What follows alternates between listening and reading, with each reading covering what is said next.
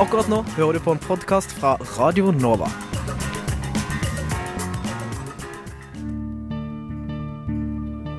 i for et hovedspørsmålet det hadde vært siden eh, Noam Chomsky etablerte den greina lingvistikken som, som jeg befinner meg Vi håper jo på breiest mulig oppslutning om SV, og jeg tror at det eneste som kan få norsk løsner båndene mellom staten og kirka, og forhåpentligvis fører til tettere bånd mellom kirka og folk. Så hadde de gjort som andre fjøringsbevegelser i verden, hadde de helt legitimt kanskje tatt i våpen. Og, så direkte skildring av menneskeskjebner tror jeg ikke vi har sett eh, i noen annen nyhetsdekning av noen annen terroraksjon. Det er såpass store forskjeller mellom den kalde krigen, hvor det var to supermakter som sto mot hverandre, eh, og den situasjonen vi har i dag. Du hører på samfunns- og aktualitetsmagasinet Opplysningen 99,3 på Radio Nova. Opplysningen 99,3 på Radio Nova. Vet du egentlig hva en høyrepopulist er? Det skal vi finne ut av, og kåre verdens aller beste høyrepopulist.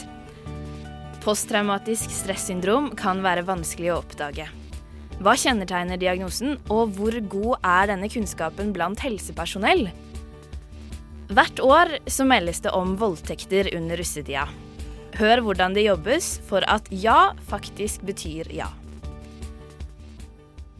En P-stasjon har en innvirkning på den enkelte nordmanns selvfølelse og identitet. De sliter, og de har ikke råd til å betale eh, markedspriser for, for gassen. Akkurat nå hører du på Radio Novas samfunns- og aktualitetsmagasin, Opplysningen 99,3.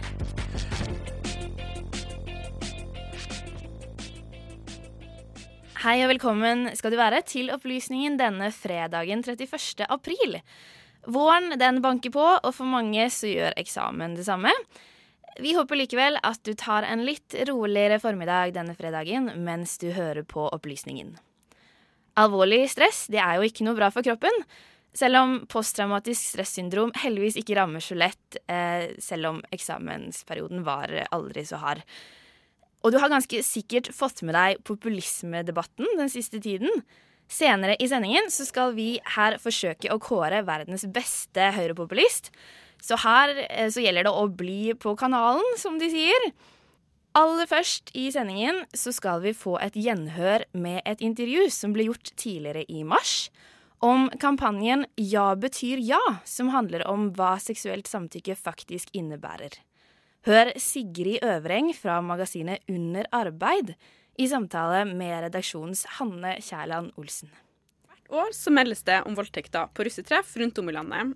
I 2015 så anmeldte minst elleve russ voldtekter under russefeiringa. Mens årets russ forbereder seg på russetida, så gjør Sanitetskvinnene og det feministiske nettmagasinet Under arbeid det samme. Med kampanjen Ja betyr ja, så vil de opplyse ungdom om hva seksuelt samtykke faktisk innebærer.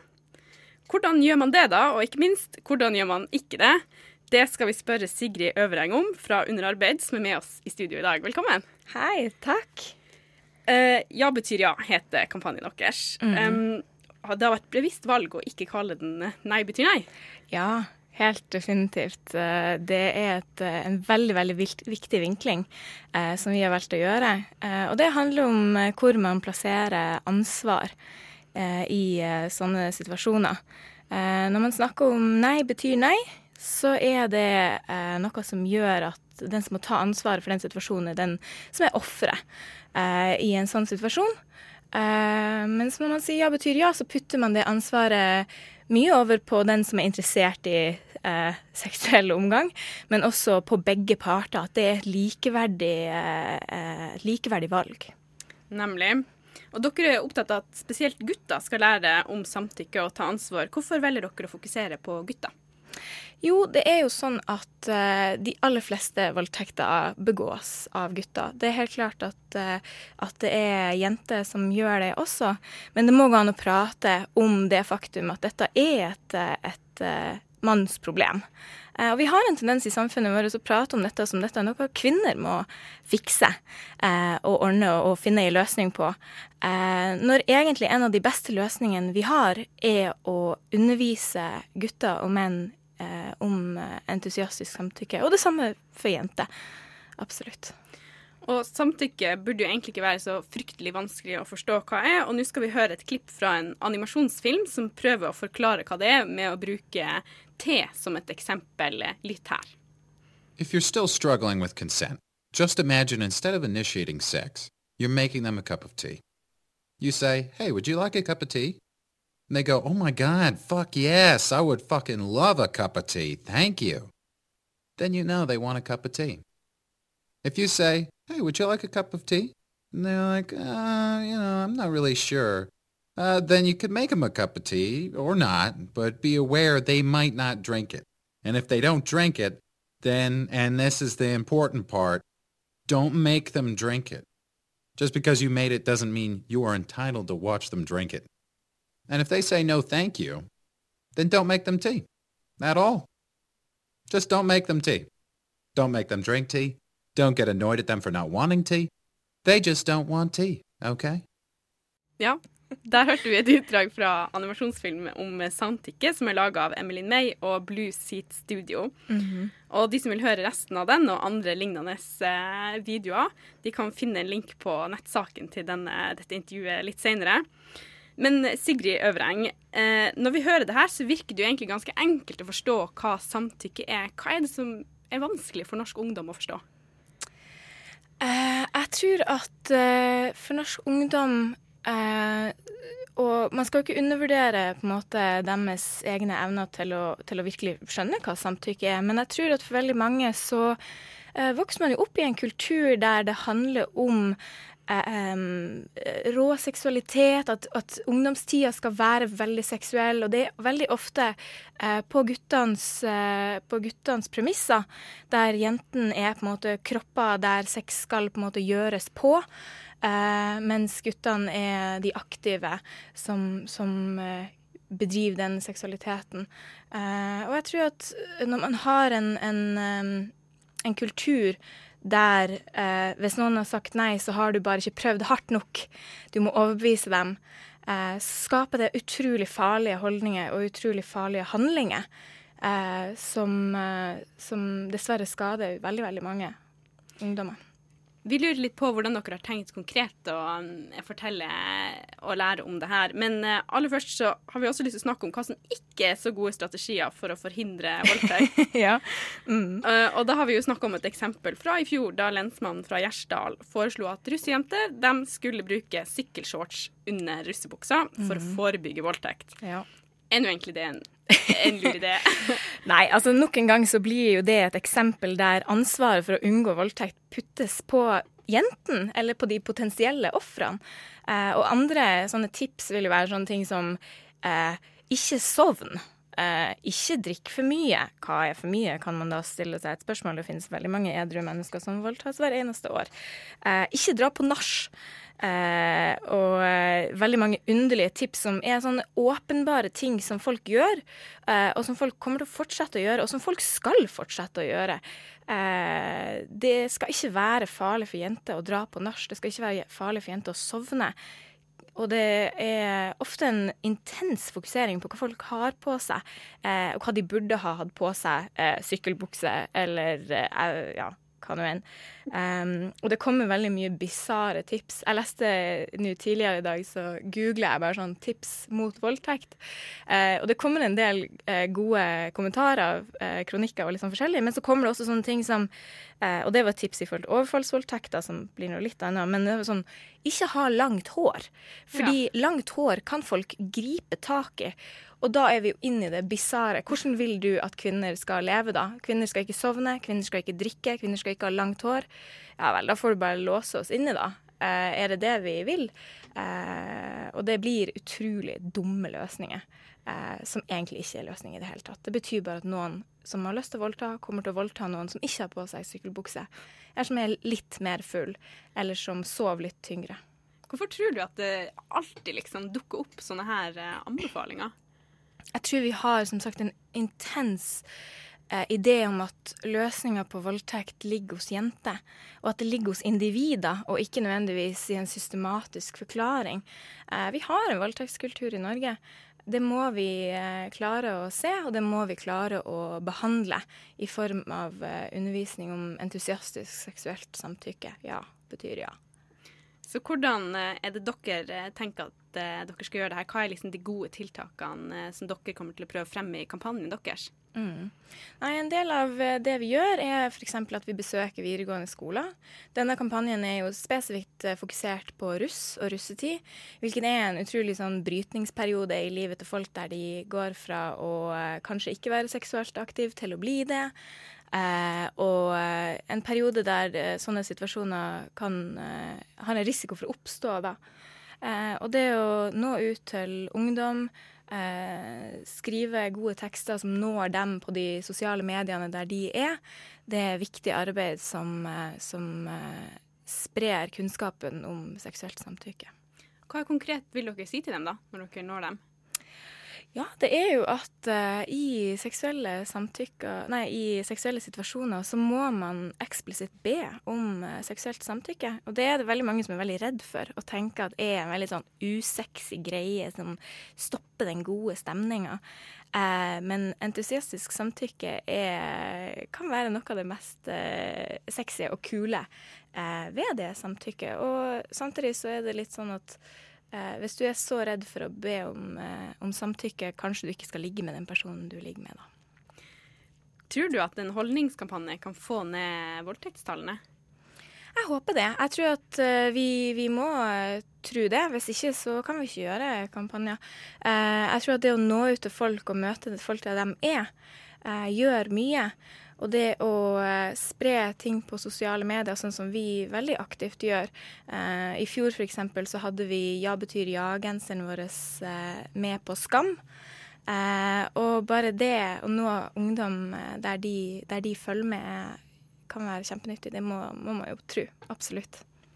I Halden kommune så har de innført forbud mot å ta med seg medbrakt drikke på russetreff. Mm. Eh, og bl.a. med voldtekt og slåsskamper i tankene. Mm. Og politiet uttalte i Aftenposten forleden, eller for noen uker siden at, eh, at det er noe de kunne tenke seg å innføre på landsbasis. Mm. Tenker du at det også kan være gode tiltak? Uh, jeg tror at det er, det er jo uh, et interessant tiltak. Samtidig så er det noe med at hvis eh, Hvis det var sånn at det var kun var alkohol som gjør at folk blir voldtatt, eh, så hadde det vært én sak. Men det er ikke sånn. Edrue edru folk voldtar. Eh, edru folk blir voldtatt. Uh, og det er Selvfølgelig er det et, et, tiltak for å senke vold, kanskje, og da kanskje også voldtekt. Men, eh, men, man må også tenke at det finnes andre ting som vil være mye mer effektivt. Eh, der man faktisk griper dette problemet med rota, og ikke bare de faktorene som kan til en viss grad øke dette problemet, eller ikke. Nå kjører dere denne kampanjen Ja betyr ja i år igjen. Eh, men hva slags eh, større endringer ønsker dere? Hva ønsker dere at man skal, myndighetene skal gjøre? Jo, det er jo en del. Eh, vi har jo et ønske om at definisjonen av hva voldtekt er f.eks. i lov, lovskriftene endrer seg. Der er det mye, ja, mye uklarheter eh, om hva voldtekt er. Det er mye som fremdeles er formulert sånn at ansvaret legges mye over på eh, offeret eh, i sånne situasjoner. Og så er det et uh, veldig klart faktum at uh, rettssikkerhet for kvinner i Norge, uh, og spesielt da kvinner utsatt for voldtekt, er utrolig dårlig. Det er så få som får eh, sakene sine tatt opp i retten. Kanskje det hele tatt de ikke blir, altså kanskje de ikke blir undersøkt eller etterforska ordentlig. Eh, og når det kommer opp i retten, så er det eh, ingen dom eller utrolig lave dommer. Mm. Det var så langt vi rakk eh, denne gangen. Takk for at du kom i studio, Sigrid Øvreng, eh, nyhetsredaktør ja. i mm det feministiske nettmagasinet eh, under arbeid. Mm. Vi håper dere klarer å bidra til en hyggelig russetid for dem som velger å holde på med det. Tusen, tusen takk.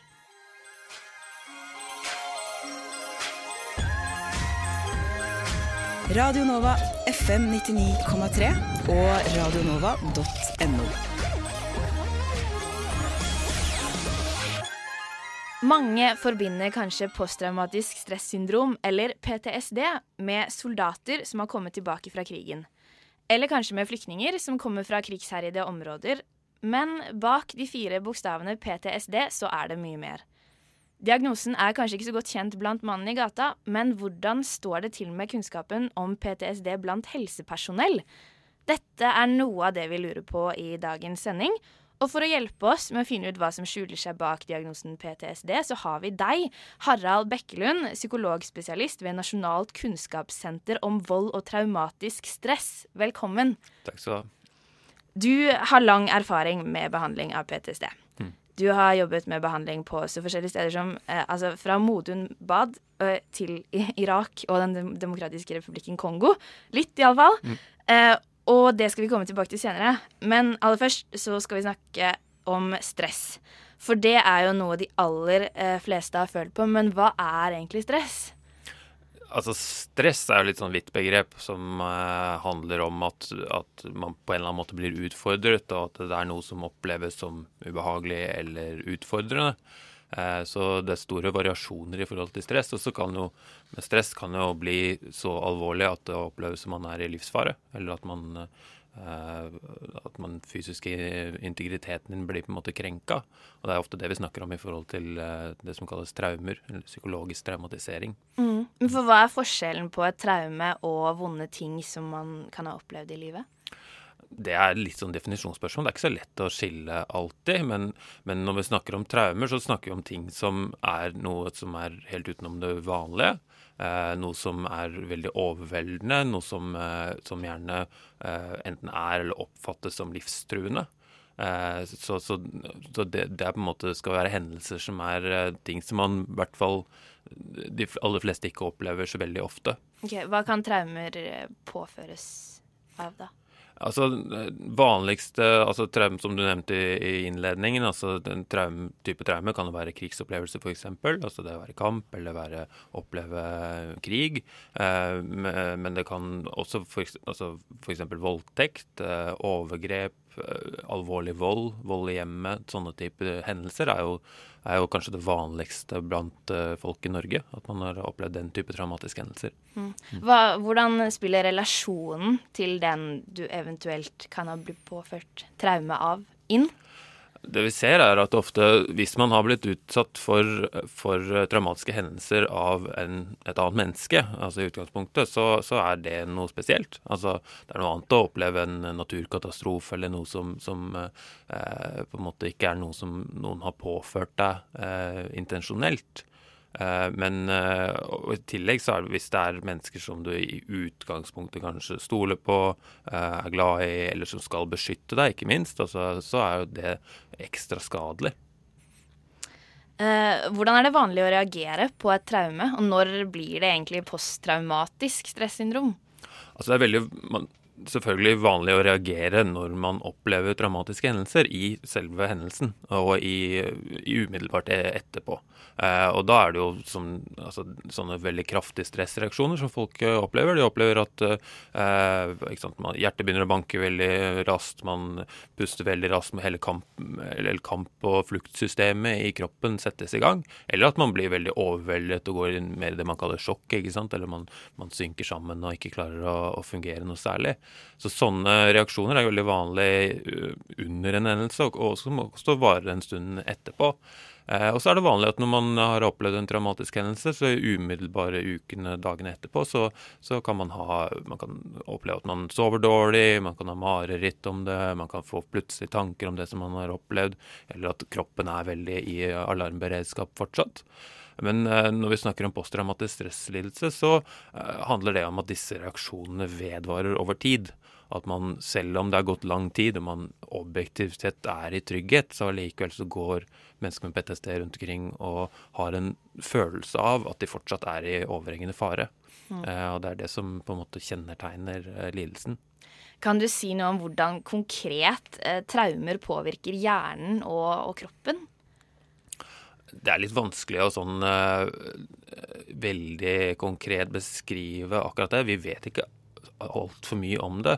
Det som vi ser, er, er at denne alarmberedskapen som folk med PTSD opplever, da, den kan man også se nå hvis man undersøker hjernen. Man kan se at, eh, at eh, mennesker med PTSD har en, eh, altså visse deler av hjernen som er veldig eh, tuna inn på å, eh, å være på vakt og sette i gang disse alarmberedskapsreaksjonene, er, på, måte, er påvirket. Sånn at det, de reageres eh, eh, på en annen måte også på hjernenivå som, og i kroppen enn eh, enn de gjør hos mennesker som ikke har opplevd den type traumatiske hendelser, som ikke har PTSD. Og kanskje på små ting Mm. i hverdagen også, som kan minne. Det, det er jo det som, som veldig mange opplever, og som, og som er vanlig med folk med PTSD, er at eh, ganske små ting som du sier, altså ting som på en eller annen måte minner om den traumatiske hendelsen, eh, at det kan sette i gang sånne farereaksjoner. Og det kan være, Noen ganger kan det være helt sånn åpenbare ting. ikke sant? Hvis man ser på TV og ser, det, ser mennesker som eh, opplever det samme som du selv har opplevd, så selvfølgelig kan jo det vekke reaksjoner. Men det vanskeligste ofte er at det kan være ganske små ting også. Det kan være ting, et blikk, en, en lyd, en lukt, eh, så små sånne triggere som vi kaller det, som kan sette i gang eh, sånne traumereaksjoner. Eh, og som kan, kan være veldig vanskelig for mennesker rundt å skjønne. Det kan ofte være veldig vanskelig for den som opplever det selv også å skjønne. Du vil kanskje bare oppleve at jeg får plutselig helt panikk, eller plutselig så, så føler jeg meg at jeg ikke er helt til stede, og, og føler at jeg er tilbake i, i hendelsen uten at jeg helt skjønner hva som skjedde. Mm. Hvor lett er det egentlig å forveksle PTSD med andre sykdommer? Det kan være utfordrende hvis du ikke, hvis du ikke spør direkte om det og har kunnskap til å diagnostisere det riktig. Eh, særlig fordi det er mange med PTSD som kanskje eh, ja, de kan kvie seg litt for å fortelle om det. Eh, en av kjennetegnene ved hele problematikken er jo det som vi kaller unngåelse. At man, man prøver så godt man kan kanskje ikke å tenke på det. Man liker ikke så veldig godt å snakke om det man har opplevd. Man prøver å legge tilbake seg så godt man kan uh, uten å klare det helt. Og det er veldig vanlig at hvis man f.eks. oppsøker hjelp, så hvis man ikke får direkte spørsmål om, som, om, om man har opplevd sånne ting, eller spørsmål om de symptomene, så kan det eh, være at man ikke forteller det. Eh, Så det er viktig i utgangspunktet. Og så er det jo en del eh, Altså dette å være at, at eh, man har dårlig konsentrasjon, eller at man eh, føler, har depressive tanker, sånne ting, gjør at det lett kan forveksles med andre tilstander noen ganger. Eh, Så, så, så det er viktig å, å diagnostisere og utrede det ordentlig. Hvordan er kunnskapen blant helsepersonell sånn generelt? jeg, den har Jeg vil jo si at generelt i Norge så er det ganske god kunnskap hvert fall om uh, traumelidelser, og det har blitt mye bedre de, de siste årene. Det har vært gjort veldig mye i forhold til å lære opp uh, helsepersonell i forhold til å være klar over traumers påvirkning, være klar over PTSD. Uh, så, så, uh, så kunnskapen er bedre enn den kanskje var. Men på behandlingssiden så det kanskje, kan det kanskje bli bedre også, tror jeg. Uh, så, så det er jo noe som vi jobber veldig mye med, Og, å, å prøve å bedre kunnskapen rundt omkring. da. Mm. Du har jo også vært i bl.a. Den demokratiske republikken Kongo. Mm. Kan du si noe om hvordan kunnskapen er om denne lidelsen der? Eh, der var det jo eh, Altså, der var det lite kunnskap om uh, psykisk lidelse generelt. Uh, og noe av det vi jobbet med der nede, var nettopp å utdanne folk i forhold til uh, å være klar over de traumereaksjonene og jobbe med det. Eh, det var veldig mange som hadde eh, mye sånn eh, kanskje mer uformell kunnskap om det, og gjorde veldig mye bra jobb i forhold til. Så det av det vi prøvde å hjelpe dem med, var å bli mer klar over hva de gjorde, og hva de kunne gjøre annerledes for å hjelpe. da. Mm. Du har jo allerede vært litt inne på det, men hva er egentlig behandlingen for posttraumatisk stressyndrom? Eh, det som vi vet, er at eh, altså det finnes flere, forskjellige typer behandlingsmetoder, men noe av det som vi i hvert fall ser eh, ofte kan hjelpe, og som vi har på en måte best kunnskap om, er, er sånne metoder som går i bunn og grunn ut på å utforske litt mer i detalj hva, det, hva folk har opplevd. Altså eh, snakke med dem om, om eh, de hendelsene, og kanskje og særlig snakke om de følelsene og tankene som eh, knytter seg til de hendelsene som man kanskje ikke Det ikke er så lett å fortelle alle om. Altså de tankene som man prøver så godt man kan å skyve unna, som, som trengs å, å komme frem, og jobbe litt med det. Eh, så å gå ganske sånn detaljert inn i de hendelsene man har opplevd, eh, er den type behandling som i hvert fall vi vet mest om i forhold til at kan være effektiv. Mm. Er man bevisst disse tankene selv som man skyver bak, eller, eller kan det være at man har glemt det fullstendig? Det er nok ikke så mange som, som har fullst, altså, helt glemt, eller i hvert fall ikke har glemt hele hendelsen fullstendig. Det er veldig vanlig at man, som du sier, prøver å skyve det bort. Eh, så, så man blir kanskje mer klar over det hvis man får spørsmål om det. Man må, trenger hjelp fra noen andre til å, liksom, til å bli mer kjent med det. At det er sånn man tenker. da. Eller at, at de følelsene ligger der, eller at de hendelsene har påvirket en på den måten som, eh, som det egentlig har. Det er veldig, veldig vanlig at mange går videre og tenker nei, dette her, ja, ok, det skjedde, men det, eh, jeg tror ikke det påvirket meg noe særlig. Jeg tror det, det gikk helt fint. ikke sånn, så prøver man å skyve det unna, og så viser det seg etter hvert at jeg er ikke helt sånn. Helt til slutt, eh, vi bør begynne å runde av, men jeg lurer på, er behandlingen lik over hele landet? Eller er det mest er sentralt at vi jobber med posttraumatisk stressyndrom og behandling? Det er nok eh, Jeg tror nok ikke det er noe sånn eh, at det er veldig mye bedre generelt i Oslo eller storbyene enn det er eh, mer i Distrikts-Norge. Men det er generelt i forhold til uh, psykisk helsevern, så er det nok for store forskjeller i forhold til hva slags behandlingstilbud folk får. Det er noe helsemyndighetene også har vært veldig opptatt av i det siste. Uh, det er noe av det vi jobber med på Nasjonalt kunnskapssett for vold og traumatisk stress også. Og, og eh, jobbe for å gjøre behandlingen eh, mer lik overalt, og sørge for at alle får god nok behandling. Eh, for det, at det kan være store forskjeller fra klinikk til klinikk. Det kan være forskjeller fra psykolog til psykolog i forhold til hva slags kunnskaper de har. Eh, og det, det syns jeg vi må sørge for at alle som har PTSD, som kommer til behandlingsapparatet, får eh, god nok hjelp. Ja. Enda en kampsak der for Trygve Slagsvold Vedum og Senterpartiet. Eh, takk for at du kom i studio. Eh, Harald Bekkelund, psykologspesialist ved Nasjonalt kunnskapssenter om vold og traumatisk stress. Takk skal du ha. På. På Radio Nova. Radio Nova. N-O-V-A Nova. Listen to me. Yo, are you listening? Le Pen, welcome to Hard Talk. Merci. Let me ask you a very broad question. Do you see yourself and your political movement as part of a worldwide phenomenon? I'm thinking of Donald Trump in the United States. I'm thinking of the vote for Brexit in the United Kingdom. Do you think something is happening which the Front National, your party, is a part of? Oui, la réponse est oui, il se passe quelque chose. The Article 50 process is now underway, and in accordance with the wishes of the British people, the United Kingdom is leaving the European Union. Why do you think you've become so popular in the Netherlands? You know, the people are fed up with a politician ignoring the problem. This day forward, it's going to be only America first. America first. Every decision on trade, on taxes, on immigration, on foreign affairs will be made to benefit American workers and American families. But not coming here and don't forget, people are very angry about that. Je suis la candidate de la France du peuple.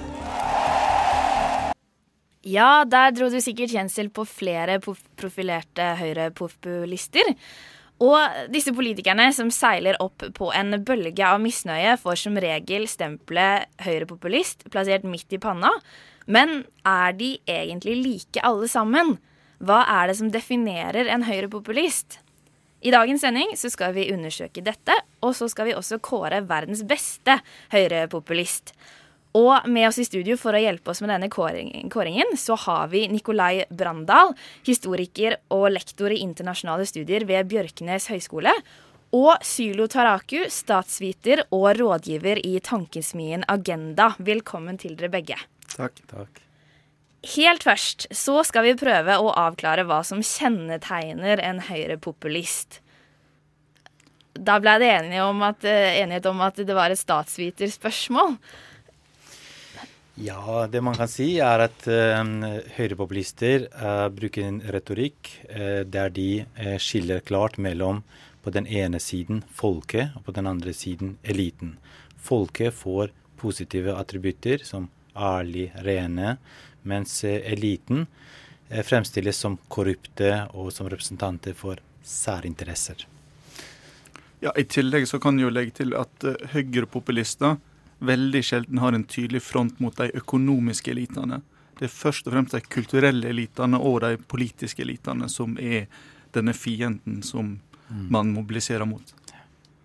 Eh, I dag så snakkes det mye om høyrepopulisme. Men eh, populister kan ha ulike politiske ståsteder også, eller?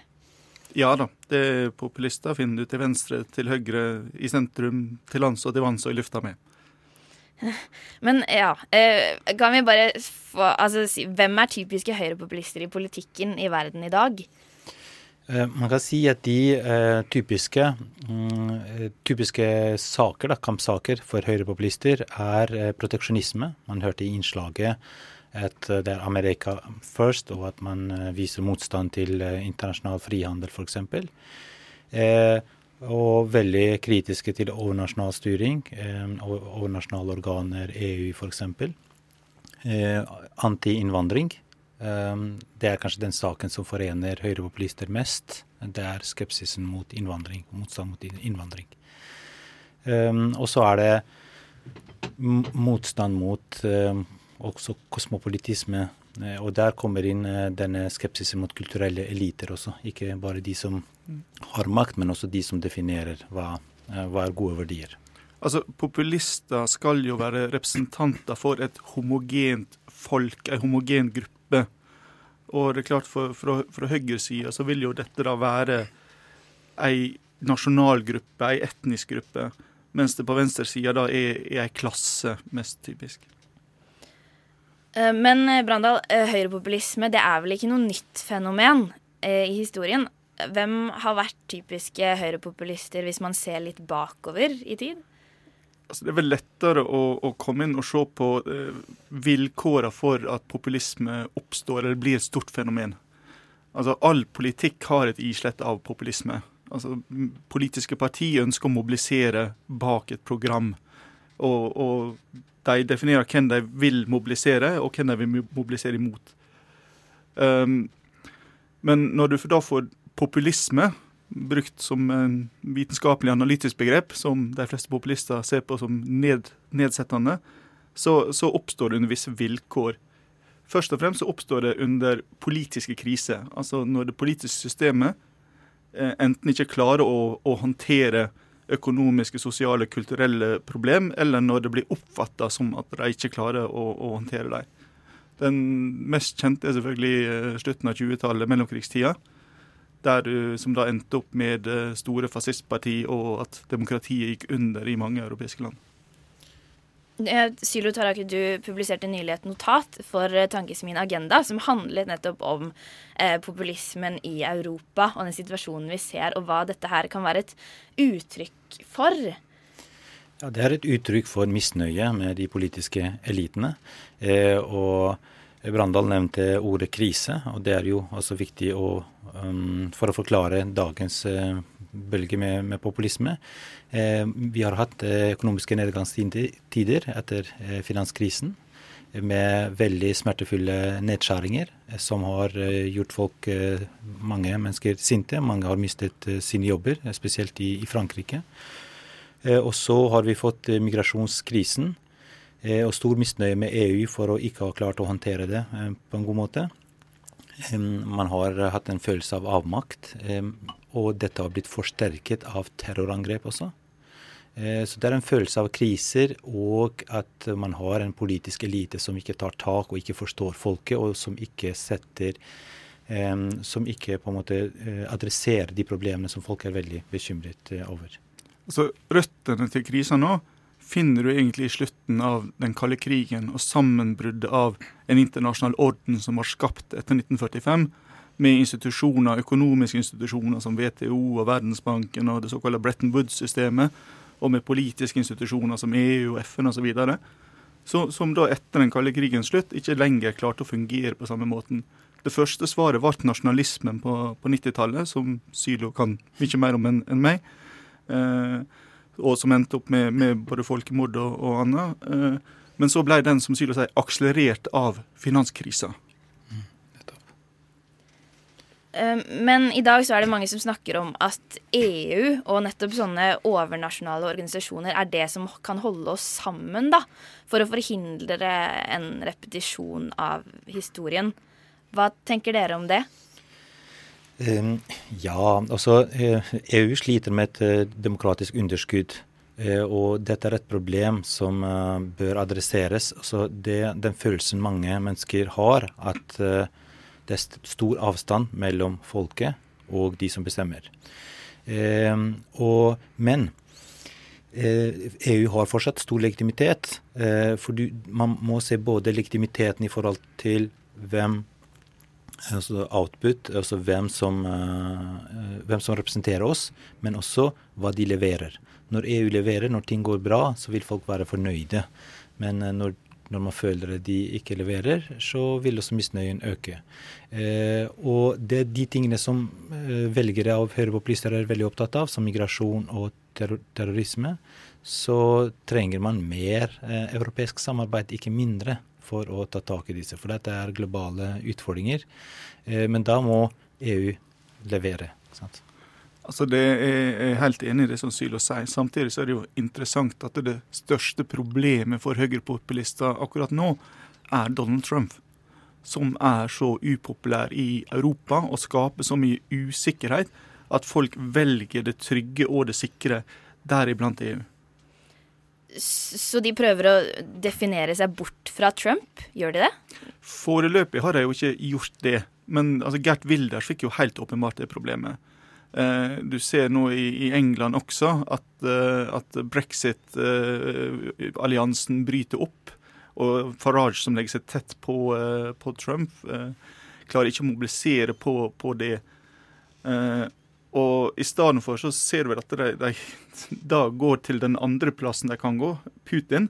Men det er jo heller ikke akkurat en vinnersak i, i Vest-Europa, iallfall. Mm. Men eh, kan dere si noe om hvordan politikerne selv forholder seg til populistmerkelappen? Det, det er vel knapt noen som har likt å bli kalt populist. Det, de oppfatter det som et skjellsord eller et forsøk på å utdefinere dem fra den politiske debatten og fra den plassen der de naturlig hører hjemme, nemlig midt i det politiske sentrum. Ja, men, men eh, populistene liker også å, å bli stemplet og bli eh, skjelt ut og sånt i, i media eh, samtidig. For da bekrefter, eh, bekrefter de sitt narrativ, at det er en elite der som står mot eh, folket og mot de genuine representantene av folket. Så de utnytter all kritikk til sin fordel. Er det noen som etter deres mening ufortjent har blitt stemplet som høyrepopulist, da? Altså, igjen, når du sier det er merkelapp som blir slengt rundt, i, i norsk sammenheng, så ja, Om Senterpartiet f.eks. For fortjener å bli kalt populister, jeg vil vel si at de ikke gjør det. Hvorfor ikke da? Nei, altså Slagsvold Vedum, ja, spiller han på populistiske strenger? Ja, helt åpenbart. Men han, ikke, han sier jo ikke at han er den eneste representanten som for, for folket. Eh, altså han, er for, eh, han ser en slags pluralisme. Oslo mot sentrum, Oslo, eller resten av landet mot Oslo, ja, på sett og vis. Men altså, og, og det er en del av et mye større og mer komplisert politisk program. Ja, og den eh, motsetningene, motsetningene mellom, mellom distriktene og Oslo har jo vært veldig gamle i Norge. Så man kan kalle det for en slags periferipopulisme. Men, eh, men han, er ikke, han har ikke en ekskluderende retorikk overfor minoriteter f.eks., og spiller ikke på offerrollen. og har ikke et konfliktfylt eh, forhold til media, bl.a., som eh, kjennetegner høyrepopulister i dag. Mm. Men eh, nå står vi overfor et valg til høsten. Tror dere at populismebegrepet vil brukes mer i norsk eh, retorikk framover mot valget? Ja, det er tendenser til det. Um, F.eks. Uh, Senterpartiet får den merkelappen mot seg. Det liker de ikke. men, men Frp også blir kritisert for å være populister. Ja, altså Frp er jo et litt mer komplisert tilfelle. Eh, Carl I. Hagen begynte som populist, eh, men gikk i retning av å bli en vanlig politiker, for, leder for et vanlig politisk parti, som han overlot til Siv Jensen, som som Vedum kan spille på populisme, men, men absolutt ikke er en populist. Så er det litt mer uklart med eh, hva si, utkantene i, i det partiet, med uh, Sylvi Listhaug f.eks., og, og, og, og den fløyen i partiet, som til tider kan framstå som ganske uforfalska populister. Men likevel så har vi jo ikke så mye populisme i Norge. Kan dere si noe om hvorfor vi ikke har det? Ja, det kan jeg prøve på. Vi har en politisk modell som inkluderer grupper i samfunnet. Det er ikke bare de politiske partiene som sitter og utformer politikk. Det er en del av en diskusjon der mange grupper er, inn, er tatt inn, får si meninga si, blitt hørt på. Og så eh, har man en lang diskusjon eh, der en til slutt ender opp med et kompromiss. Dette gjør at den prosessen blir veldig gjennomsiktig. Altså Alle vet eller har et slags eierskap til den. Iallfall som idealtypen. Det er ikke alltid det fungerer like godt. Eh, og det blir veldig sjelden store omkastninger når vi skifter regjering eller skifter lederskap. Og, og, så det blir stabilitet, og dette gir en tillit fra folket til at det politiske systemet klarer å ordne opp i problemer. Ja, Tilliten er sentralt, men så har vi også eh, en bra situasjon med eh, lite sosial ulikhet, men den er økende. Og økonomisk trygghet. Så det er ikke noe sterk misnøye, grunn til å være veldig sterk mis, eh, misfornøyd med, med elitene. Som i flere andre land hvor man har opplevd nedgangstider. Men hva er vi avhengig av å holde fast ved da, for at vi ikke skal oppleve mer populisme i Norge? Inkludering, gjennomsiktighet, at vi har gode, åpne prosesser der folk får delta. Nettopp. Nærhet. Eh, at eh, folk og politikere At avstanden mellom folk og politikere ikke øker. Da har vi det på plass. Uh, og nå så uh, tenkte jeg at vi skulle prøve å kåre verdens beste høyrepopulist. Vi har jo ennå ikke gått så veldig inn på ulike kandidater, men jeg vet at dere har forberedt noen. Ja, vi må jo legge noen kriterier til grunn her. Altså, karisma er åpenbart viktig. Uh, suksess, utvist lederskap. og i dag så er det jo kanskje fire som peker seg ut. Eh, Duerte på Filippinene, eh, Trump i USA, Kaczynski i Polen og Orban. Altså Dette er jo da statsledere, folk som faktisk har makt. Vi, vi ble vel ganske enige om at vi, vi tar bort de, de, som ikke har klart å vinne makta. Ja, og da, da, går jo Le Pen ut, og da går Wilders ut, og, og så videre. Men Le Pen har vel fortsatt en liten mulighet til å vinne makt? Det kan skje, men, men inntil da så uh, kommer hun ikke opp på vår liste, iallfall. Nei, tror ikke før det, vi får se det. Og så, he, men man kunne jo også tenke seg en del av ideologene her som kunne, kunne komme på, på, lista. En Aleksandr Dugin i, i, Russland som har vært sentral for, for, Putin, som sjøl ikke er populist, men som spiller på populistiske strenger. Uh, og, og, Dugin er jo en som alle de andre uh, ideologiene rundt omkring blir influert av. Eh, og du har selvfølgelig Alain de Benoit, eh, som har vært veldig viktig for denne alt-right-bevegelsen. Eh, med utgangspunkt i Frankrike, men, men, som har spredt seg til, også til USA. Han har blitt intervjua av Alex Jones på Infowars, blant annet. Mm. Men ja, hvis du tar det, da, så Trump hadde for mye flaks, syns jeg. Han sneik seg gjennom med under 50% i primærvalgene. Og så ble han valgt med under 30% av oppslutning eh, i, i valget i fjor høst. Og hadde ja, FBI-avsløring og alt det der. og Hvis ikke så hadde ikke han blitt valgt. Så det er ut, ut med den. Duerte ja, han Duerte i, på Filippinene? På Filippinene. Han skulle jo ta livet av tre millioner narkomane. Det, det har ikke han begynt med ennå. Altså, han hadde et eh, ja, voldsom retorikk, men det han har visst i posisjon, er vel ikke så uh, interessant. Så det er gjennomføringsevnen han på dette Ja, foreløpig har ikke han, har ikke han visst, visst så mye gjennomføringsevne, heldigvis. Så er det Kaczynski i Polen. Altså, Problemet til Kaczynski er jo at han kan ikke gå til Putin. Han sitter klemt mellom EU og Putin. Og det begrenser jo også på sett og vis handlingsrommet hans. Og han har jo ikke Altså, han har begynt å gå løs på domstolene i Polen, men han har jo ikke kommet så langt at han eh, er garantert at han ikke vil bli kasta ved neste valg. Det er en fair sjanse for at han kan bli kasta. Så Da er han ut. Så da skal Sylo få ta vinneren her. Mens eh, Orban har klart å bli gjenvalgt, har eh, økt I- i Ungarn. Ungarn? Har økt sin popularitet eh, og har vist gjennomføringsevne. Har sagt han skal bygge en myr, og det har han gjort rundt Ungarn. Han er eh, høyrepopulistenes eh, eneste representant i Det europeiske råd. Og han har klart faktisk eh, gjennom Visegrad-landene, den gruppen av fire tidligere østeuropeiske land, klart å påvirke migrasjonspolitikken til EU i sin retning. Så han er veldig populær blant høyrepopulister i dag.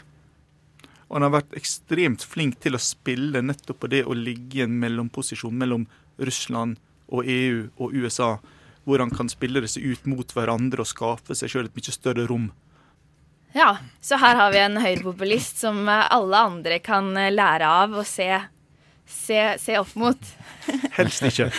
Nei. Så Nei, vår, men da- vår vurdering er med hodet og ikke med hjertet. OK. ok. Da, da har vi en, eh, en vinner her. Yes. Viktor Urban eh, fra Ungarn. Takk for at dere kom i studio. For meg. Det var fæl kåring. Silo Sylo Taraku fra Tankesmien Agenda og Nikolai Brandal fra Takk til deg òg. Tusen takk.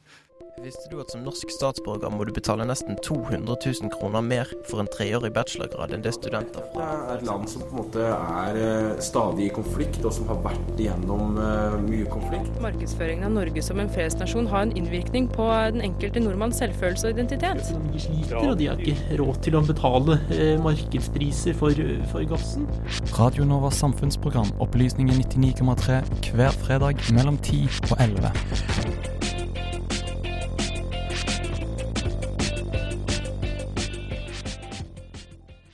Ja, det var ukas sending, det. Medvirkende det har vært Hanne Kjærland Olsen. Tekniker har vært Simon Lima. Og ellers så er ting som de pleier. Du kan høre oss igjen i iTunes og Soundcloud. Du kan laste oss ned som podkast. Hør godt og lenge, og lik oss eh, på Facebook, da. Vi høres igjen på Radio Nova samme tid neste uke, og da er det sånn cirka påske, dere. Ha en god fredag. Radio Nova. Du har hørt en podkast fra Radio Nova. Likte du det du hørte? Du finner flere podkaster i iTunes og på radionova.no.